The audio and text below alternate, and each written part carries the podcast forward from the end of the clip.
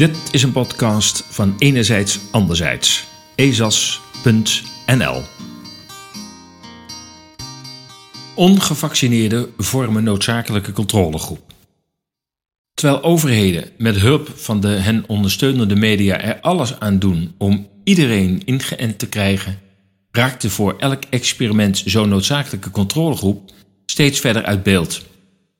Uit talrijke berichten uit Israël, maar ook uit andere bijna volledig gevaccineerde landen, komen berichten dat de vaccins niet doen wat ze beloven: bescherming bieden tegen COVID of uit haar voortkomende varianten. Het omgekeerde lijkt ook mogelijk. Volledig, dat wil zeggen dubbel gevaccineerden, lijken hier en daar juist vaker in het ziekenhuis te belanden dan zij die zich niet hebben laten inenten. Een pleidooi voor behoud van een minimale controlegroep. Alles uit de kast. Overheden hebben haast. De bestelde en geleverde vaccins zijn niet eeuwig houdbaar en nog steeds mocht een deel van het in volk. Maar meer dan het verlopen van de houdbaarheid van de vaccins is de groeiende berichtgeving over de gebrekkige werking van de vaccins de grootste zorg van autoriteiten. De vaccins lijken niet te doen wat is beloofd. Ze beschermen te weinig tegen het oplopen van virusvarianten en het doorgeven ervan aan anderen. Vooralsnog lijken de vaccins alleen de gevolgen van een infectie te temperen, ofschoon ook deze claim inmiddels niet onweersproken is. De te bereiken groepsimmuniteit lijkt dus ook bij een 100% vaccinatiegraad niet te bereiken. De WHO, die vorig jaar haar definitie van groepsimmuniteit aanpaste, in de zin dat alleen algehele vaccinatie dat zou kunnen bereiken, staat daarmee ook een beetje in zijn hemd.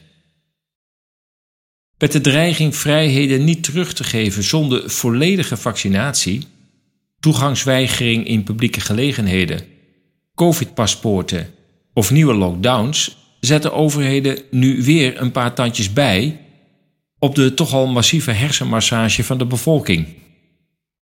Inmiddels lopen in Frankrijk teams van vier tot zes politieagenten de grotendeels lege terrassen af op zoek naar koffiedrinken zonder covid-paspoort. Daarbij is extra oplettendheid geboden, want het regent falsificaties van het begeerde toegangsbewijs of bewijs van volwaardig burgerschap. Het nut van het paspoort is kernachtig te verwoorden als als vaccins zouden werken, is het onnodig, want gevaccineerden kunnen het virus niet meer oplopen, nog overdragen. De kleine groep niet-gevaccineerden is te klein om nog een run op de IC-bedden te kunnen veroorzaken. Als de vaccins niet werken of niet voldoende werken, is het paspoort ook onnodig. Het lijkt erop dat het document of QR-code alleen een middel is om de restgroep onder druk te zetten. Of wellicht beter gesteld, te chanteren. De tijd dringt. De tijd dringt voor overheden en hun farmapartners. De berichten uit hooggevaccineerde landen zoals Israël laten een verontrustend beeld zien. Dr. Kobi Haviv, medisch directeur van het Herzog ziekenhuis in Jeruzalem, zei in een interview met Channel 13 TV News, citaat, 95% van de ernstige patiënten zijn gevaccineerd. Bovendien is 85 tot 90% van de ziekenhuisopnames bij volledig gevaccineerde mensen. Einde citaat. Het ziekenhuis opent dan ook steeds meer COVID-afdelingen. Virologen, tussen aanhalingstekens, als de Amerikaanse Dr. Fauci, zinspelen op het narratief dat de niet-gevaccineerden de schuld zijn van de oplevende Delta-variant. Anderen beweren juist dat de Delta-variant een ander woord is voor ADE, Antibody Dependent Enhancement. Volgens het Nederlandse artsen-COVID-collectief, citaat, verergert hierbij een vaccin de infectie juist. Sommige mensen die al besmet zijn, worden dus nog zieker door de inenting. Einde citaat. In het voorjaar van 2021 werd bekend dat het mRNA-vaccin een ernstig probleem had met het verschijnsel ADE.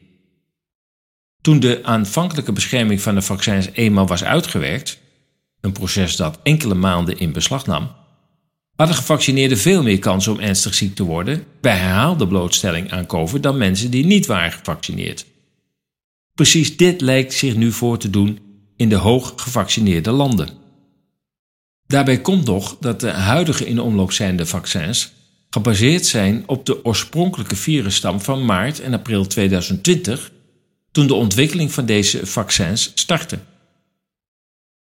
Die stam bestaat niet meer en heeft inmiddels duizenden opvolgers gekregen, waarop de huidige inentingen geen vat lijken te krijgen. Daarentegen zijn de talrijke bijwerkingen verontrustend.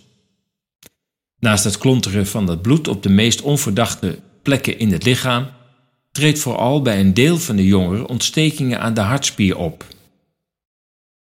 De percentages van gemelde bijwerkingen mogen gering lijken. Voor jongeren die hoegenaamd geen risico lopen ernstig ziek te worden van het virus, lijkt het vaccin alleen maar risico's toe te voegen. Zoals algemeen bekend en erkend zijn alle in omloop zijnde vaccins, tussen aanhalingstekens, nog in de EU of de VS definitief toegelaten. Ze hebben allen de status van Conditional Marketing Authorization, dat inhoudt dat alleen onder zeer bijzondere omstandigheden het middel op grotere groepen mag worden toegepast. Daarbij moet aan de intelligente personen bekend worden gemaakt dat er sprake is van een experimenteel middel. Welke de mogelijke bijwerkingen zijn, dat er alternatieve nu verboden medicatie bestaat en dat de persoon nadrukkelijk moet aangeven de informatie begrepen te hebben en akkoord te gaan. Bij de huidige werkwijze, waarbij buiten de eigen huisarts om in vaccinatiehallen wordt ingeënt, kan geen sprake zijn van een dergelijke uitgebreide informatieprocedure. De miljoenen die in het volste vertrouwen het vaccin nemen, zijn dus onderdeel van het grootste experiment uit de medische geschiedenis. Dat zo zijnde zouden de farmabedrijven, de veelbesproken wetenschappers en de vaccinatie-aanjagende autoriteiten toch willen weten wat het verschil is tussen hen die volledig twee, drie of vier inentingen zijn ingeënt en zij die daarvan vooralsnog af hebben gezien. Daarmee zijn de niet-gevaccineerden een onmisbare controlegroep om de werkelijke effecten van de inentingen te meten. Het lijkt er echter op dat de genoemde aanjagers van vaccinatie geen belangstelling hebben in een dergelijke controlegroep. Het zou namelijk kunnen blijken dat de niet-gevaccineerden uiteindelijk beter af zijn, omdat hun immuunsysteem haar veel eisende en meestal zeer effectieve werk doet en zich moeiteloos aanpast aan varianten van het oorspronkelijke virus.